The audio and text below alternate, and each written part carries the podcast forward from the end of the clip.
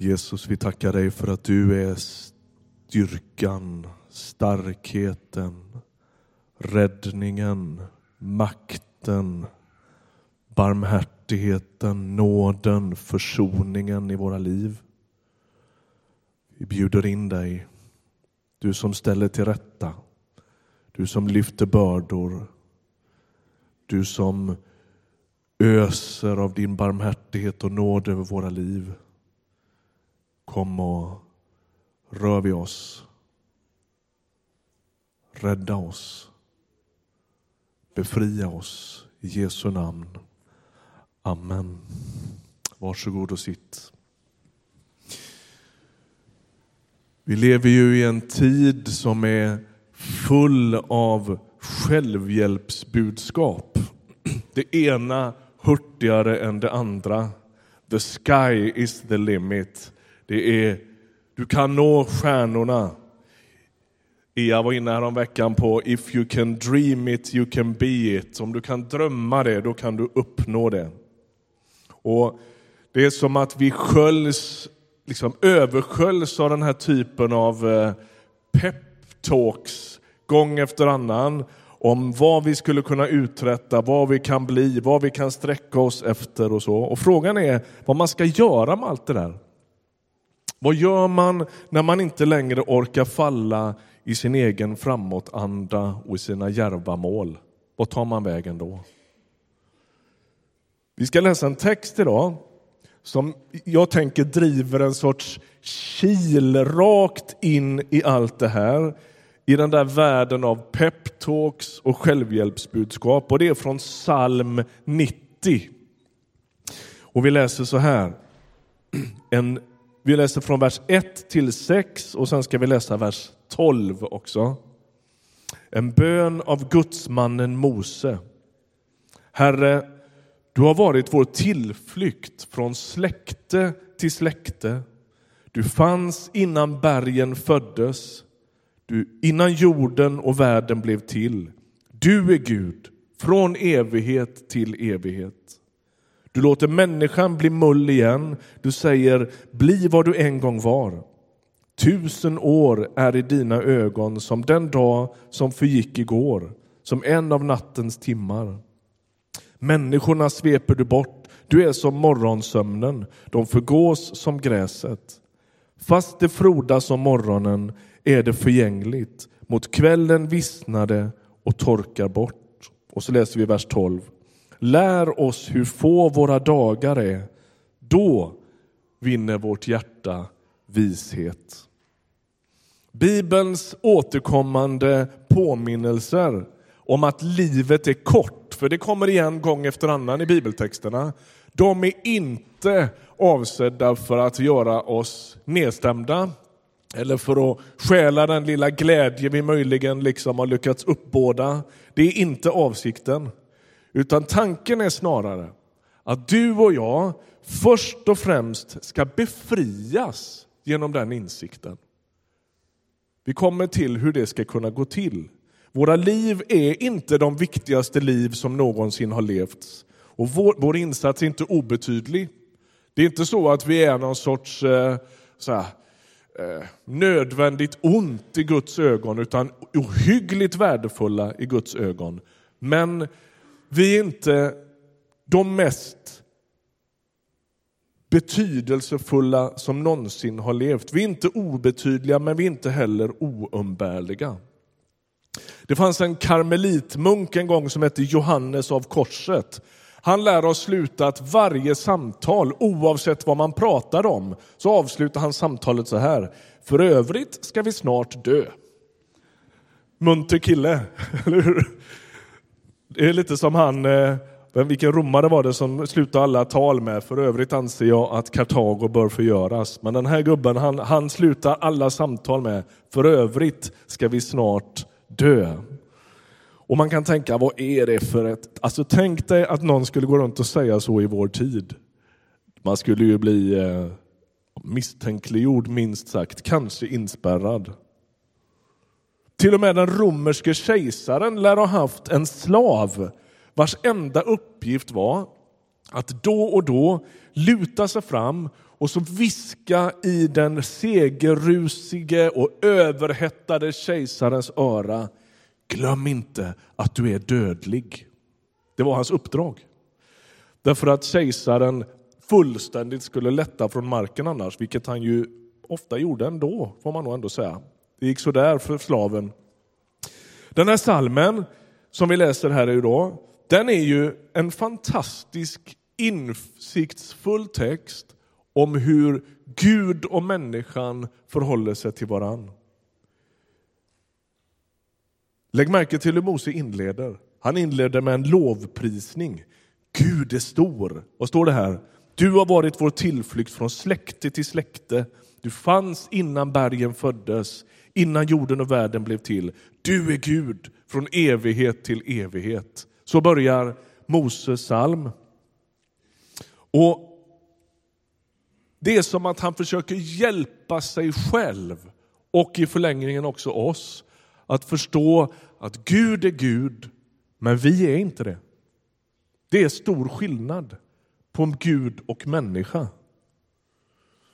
Och Det är faktiskt så att att tänka på sin egen dödlighet det är en god andlig vana och en andlig övning. Därför att om man lever med den insikten då skärps man till att vara närvarande fullt ut.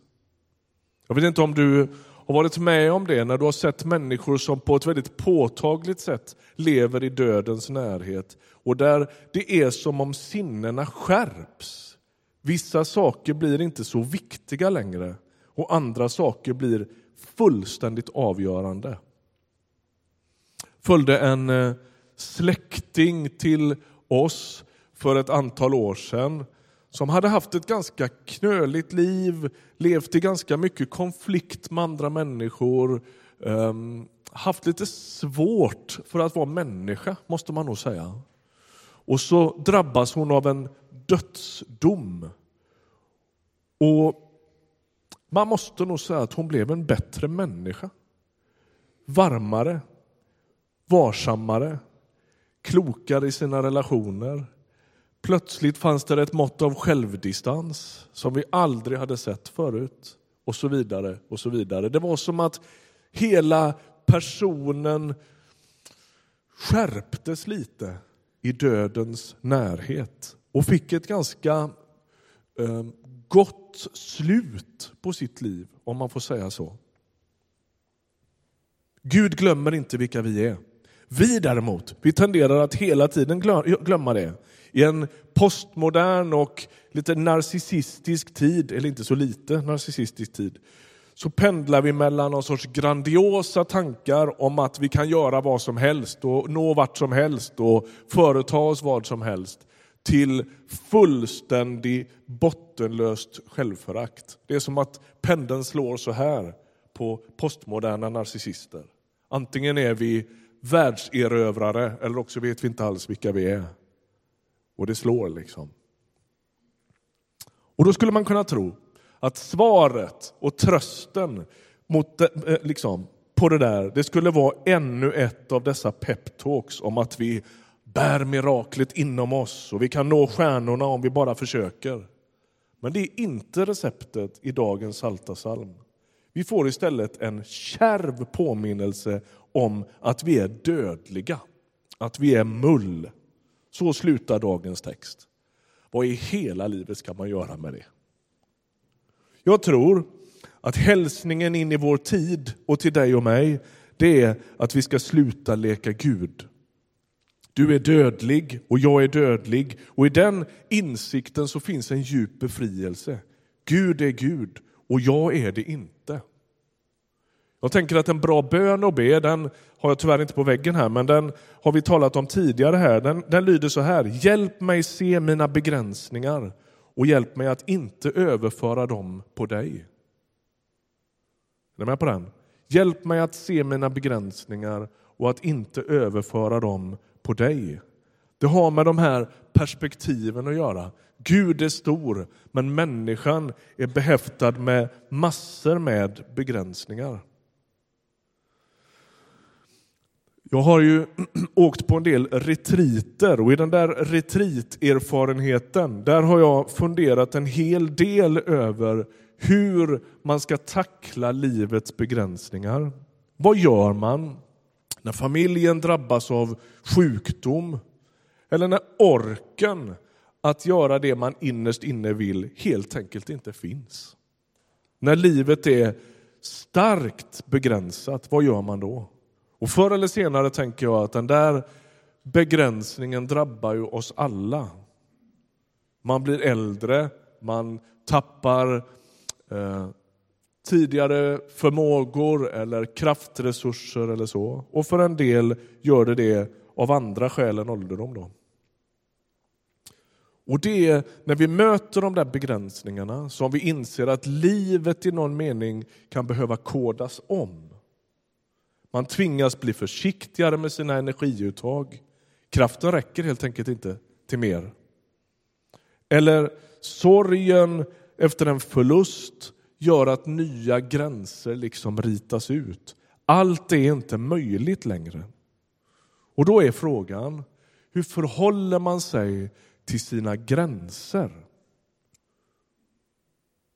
Somliga, och också i kyrkans värld, har ägnat hela livet åt att förneka dem, som om de inte fanns. Och jag liksom kan bara ana hur mycket kraft som krävs för att aldrig tappa ansiktet eller erkänna varken för andra eller för sig själv att man är en begränsad människa. Det finns ett uttryck på engelska som jag tycker mycket om. Det, det lyder så här. There is a God and I am not he. Det finns en Gud och jag är inte han. Gud förmår allt. Han äger inga gränser. Han kan inte behöva något, för han äger allt i sig själv. Han äger alla källor till glädje, till kraft, till kärlek, till helighet inom sig själv. Så han kan inte tömmas. Han kan inte bli trött. Han kan inte tackla av. Han somnar aldrig. Han tappar aldrig kontrollen. Han är Gud och därmed liksom fullständigt um, utan, utan resursgränser. Han är Gud och, och vi är det inte. Han är obegränsad och oändlig. Han har ingen början och inget slut. Själv är jag kraftigt begränsad. Då du märker till konflikten eller kontrasten här. Hur han har funnits från släkte till släkte innan bergen föddes. Och så kommer beskrivningen av människan som är borta som en vindpust. Och Det är som att de här två motbilderna målas. Min kärlek räcker inte till. Min kraft tar slut, ofta långt före plikterna gör det. Min förmåga att på djupet förändra saker och omständigheter är minst sagt begränsad. Och det är helt okej. Okay. Det är så det är att vara människa. Och det är i relationen med honom som allting liksom får rätt proportioner. Och en av sakerna med att tro, det är att erkänna det här. Jag tror att Gud finns och jag tror inte att jag varken kan eller ska ta hans plats. Jag har berättat någon historia här förut, men jag tycker den är så målande. Om lille Mark som ska vara med och spela drama. De ska spela ett söndagsskoledrama i kyrkan. Och eh, hans uppgift är att tända och släcka lampan när skapelseberättelsen berättas och berättarrösten säger Gud sa var det ljus, då ska han. Och han ska stå uppe på en stege bakom ett eh, skynke och så ska han tända, det är hans uppdrag. Problemet är att lille Mark, 4-5 år gammal, han har så svårt för att vara still. Och han har så mycket kryp i kroppen och han tycker detta är en sån ansträngning. Och när de övar så är det ibland är han där och ibland är han inte där och han ramlar ner från den där stegen och det är liksom lite rörigt där bakom. Och så kommer han fram till söndagsskolefröken och så säger han så här, Mrs Brown, I think I'm too crazy to be God today, säger han. Jag tror att jag är för galen för att vara Gud idag. Och det där är bra. Man steppar ner ifrån sitt försök att leka Gud.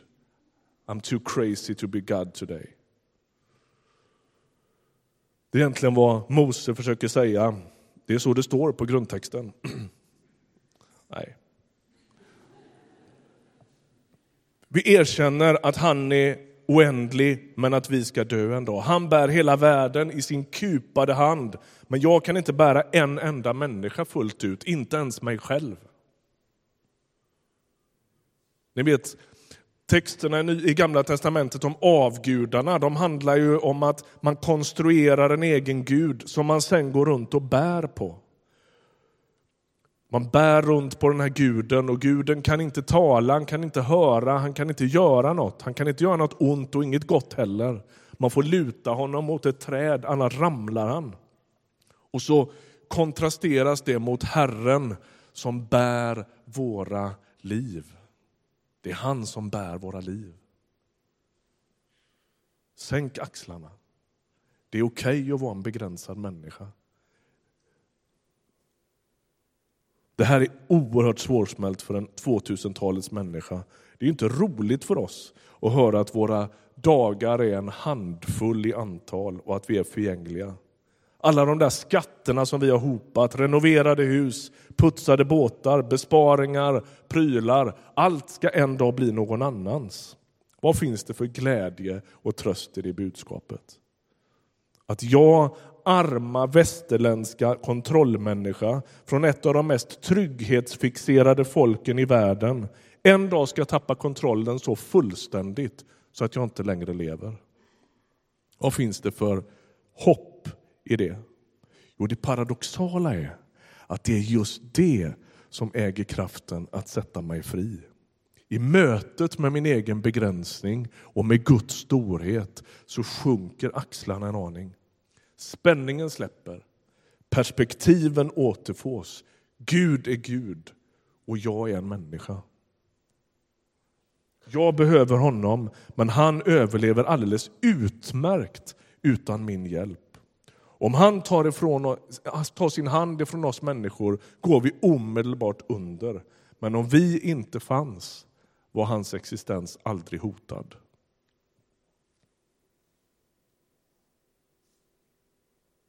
Att konfronteras med sina gränser, med sin svaghet, med sin ofullkomlighet, det är inte bara okej, okay, utan det bär faktiskt på en djup tillfredsställelse. Det paradoxala är att när man upptäcker sin begränsning upptäcker man också sin nya frihet. När man slår i gränsen för sin kraft, sina förmågor och sina resurser så måste inte det innebära att man hukar och dukar under utan där kan man få smaka frihet. Okej. Okay. Gud är obegränsad och bär allt det där. Jag lever här. Och det kan skapa en sorts ny smak av frihet. Försoningen med livet sådant som det blev bär på så mycket. När man gör det, när man försöker försonas med livet så som det blev, så dör en del, så, så får man liksom se i vitögat en del av de drömmar som dog. Förhoppningar som flängtar likt en tändsticka i storm. Och ibland måste man gå ganska många varv med det. Det är inte så bara att slå om switchen och säga men okej då, jag gillar läget, det är så här livet är. Utan man får gå rätt många varv med det. En del av er känner vår livsberättelse de senaste åren som har inneburit starka begränsningar. Ganska kraftigt nerskuret livsrum. Ork, möjligheter. Och man slår inte bara om och tänker ja men då är det så. Utan man får gå rätt många varv i bön och funderingar och samtal och bearbetningar för att liksom hitta rätt i det.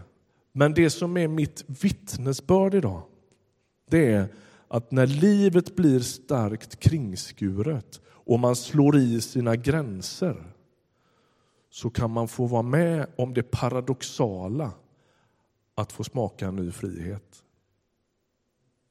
Så är det.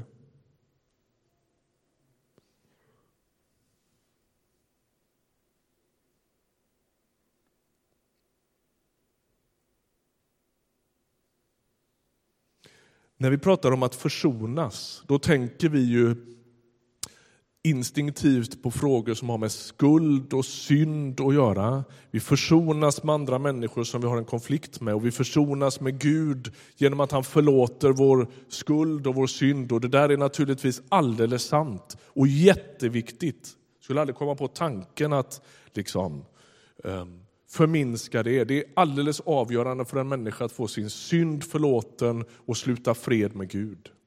Absolut. Men när Gud kommer in i våra liv för att försona våra liv så är det inte bara på området skuld. Utan det är som att han försonar våra liv genom att binda samman våra liv. Djävulen han kallas för diabolos, den som slår isär. Han försöker hela tiden splittra våra liv, slå isär våra liv, får oss att leva i konflikt, inte bara med andra människor och med Gud, utan också med oss själva. Och Det som händer när Jesus får hjälpa oss att försonas, det är att vi också kan sluta fred med våra egna omständigheter. Att bekänna sig till den Gud som, har, som blev människa genom Jesus Kristus, det är att också bekänna att Gud verkar i det mänskliga. Han verkar i det ofullkomliga, i det begränsade. Han verkar till och med ibland i det smärtsamma. Det betyder inte att han sänder det, men han verkar i det. Och ibland, låt mig få liksom, försöka sno ihop det här nu. Ibland märker jag att en begränsning i livet kan framkalla en sorts kedjereaktion i mitt inre som leder till något gott. Låt mig förklara hur det funkar, tänker jag. Låt säga att man har sinande krafter, minskade resurser eller en livslång sjukdom. Det där kan vara inskränkningen i mitt, i mitt livsrum. Liksom. Det kan se olika ut som gör att nu går det inte riktigt att leva som jag levde förut. Sjukdom i familjen till exempel. Hur handskas man med det? Ja, men först är det som att man behöver smärtsamt identifiera det. Så här är det. Om vi skulle ta exemplet med någon som har arbetat ut sig så är det som att när man slår i kanten liksom, så upptäcker man här fanns en gräns. Och den måste man identifiera. Det är det första. Man identifierar sin gräns. Nästa steg det blir att så småningom försöka försonas med sina gränser så att man inte ständigt går över dem. Okej, okay, här identifierade jag en gräns. Jag kan inte hålla på och slåss mot den hela livet därför att då kommer jag att bli sjuk igen. Liksom. Jag måste sluta fred med den gränsen. Här gick den och jag måste liksom bli vän med den. Här tror jag att vi i, i, i våra miljöer har ett jobb att göra. Därför att vi har fostrats lite i den här peptalk-andan. Att alltid tänka på gränser som något dåligt. Som om Gud alltid lockar oss att pusha dem. Ibland gör han det. Det är det som är det luriga. Ibland gör han det. Ibland lockar han oss att göra det vi inte trodde att vi kunde eller vågade eller så. Men jag tänker att en del i att våga tro att Gud verkar i våra liv sådana som de blev, det är att också våga sluta fred med sina omständigheter. Är ni med på det? Först identifierar jag gränsen. Här gick den. Jag orkade inte vad som helst. Jag kunde inte vad som helst. Jag slog i. Och så måste jag i någon mening ha förstå att det inte är ett nederlag. Det har inget med otro eller, eller en för liten Gud att göra. Det har med en sorts nykter självbild att göra. Jag är inte Gud. Och så sluter jag fred med det där. Och det tredje som händer då, det är att med Guds hjälp kan jag börja försvara gränsen som något som jag inte längre vill leva utan. Vi tar personen som har blivit utarbetad igen. Man slår i gränsen. Bam, här gick den. Jag blev sjuk. Jag kunde inte vara Superman. Det fanns en... en liksom, krafterna tog slut. Och så försonas jag med det och till sist börjar jag försvara det. Det där sker inte på en kafferast. Det låter som en sån trestegs... Liksom. Man kan behöva gå så många varv med det där innan man sluter fred med de omständigheter man fick. Men poängen är att om man inte gör det riskerar man att bli en bitter människa. Och då är det som om den här nya tillvaron där jag har identifierat, försonats med och börjat försvara min egen begränsning. Det kan bli den, eh, det område där Gud på ett alldeles särskilt sätt verkar. Det är som att det här, för att tala med en annan, annat språk från en annan kyrktradition, det här kan bli min munkcell. Jag har stängt för alla distraktioner, förflackning, jagande, självboost, peptalk och så sluter jag fred med mina omständigheter och så märker jag det är ju här Gud verkar i mitt liv.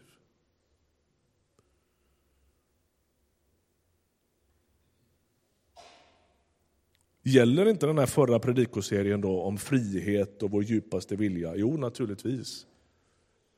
Men vägen till frihet är ibland bakvänd. Att sluta fred med sina livsomständigheter och upptäcka att Gud rör sig i min begränsning.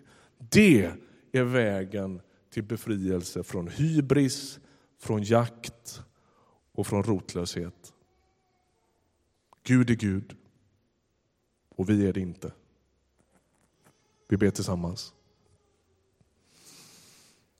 Jesus Kristus, vi tackar dig för att du är den du är. Tack att du är uppståndelsens Herre, livets Herre, kraftens, möjligheternas, också barmhärtighetens och nådens Herre. Vi ber dig om att du skulle röra vid våra liv, inte sådana som de borde vara, utan sådana som de är. Och så ber vi att vi med Guds, med din egen hjälp skulle kunna sluta fred med det liv vi fick. Vi ber att vi inte skulle gå runt hela livet och förklara krig mot omständigheterna. Ge oss mod att inte fly. I Jesu namn. Amen.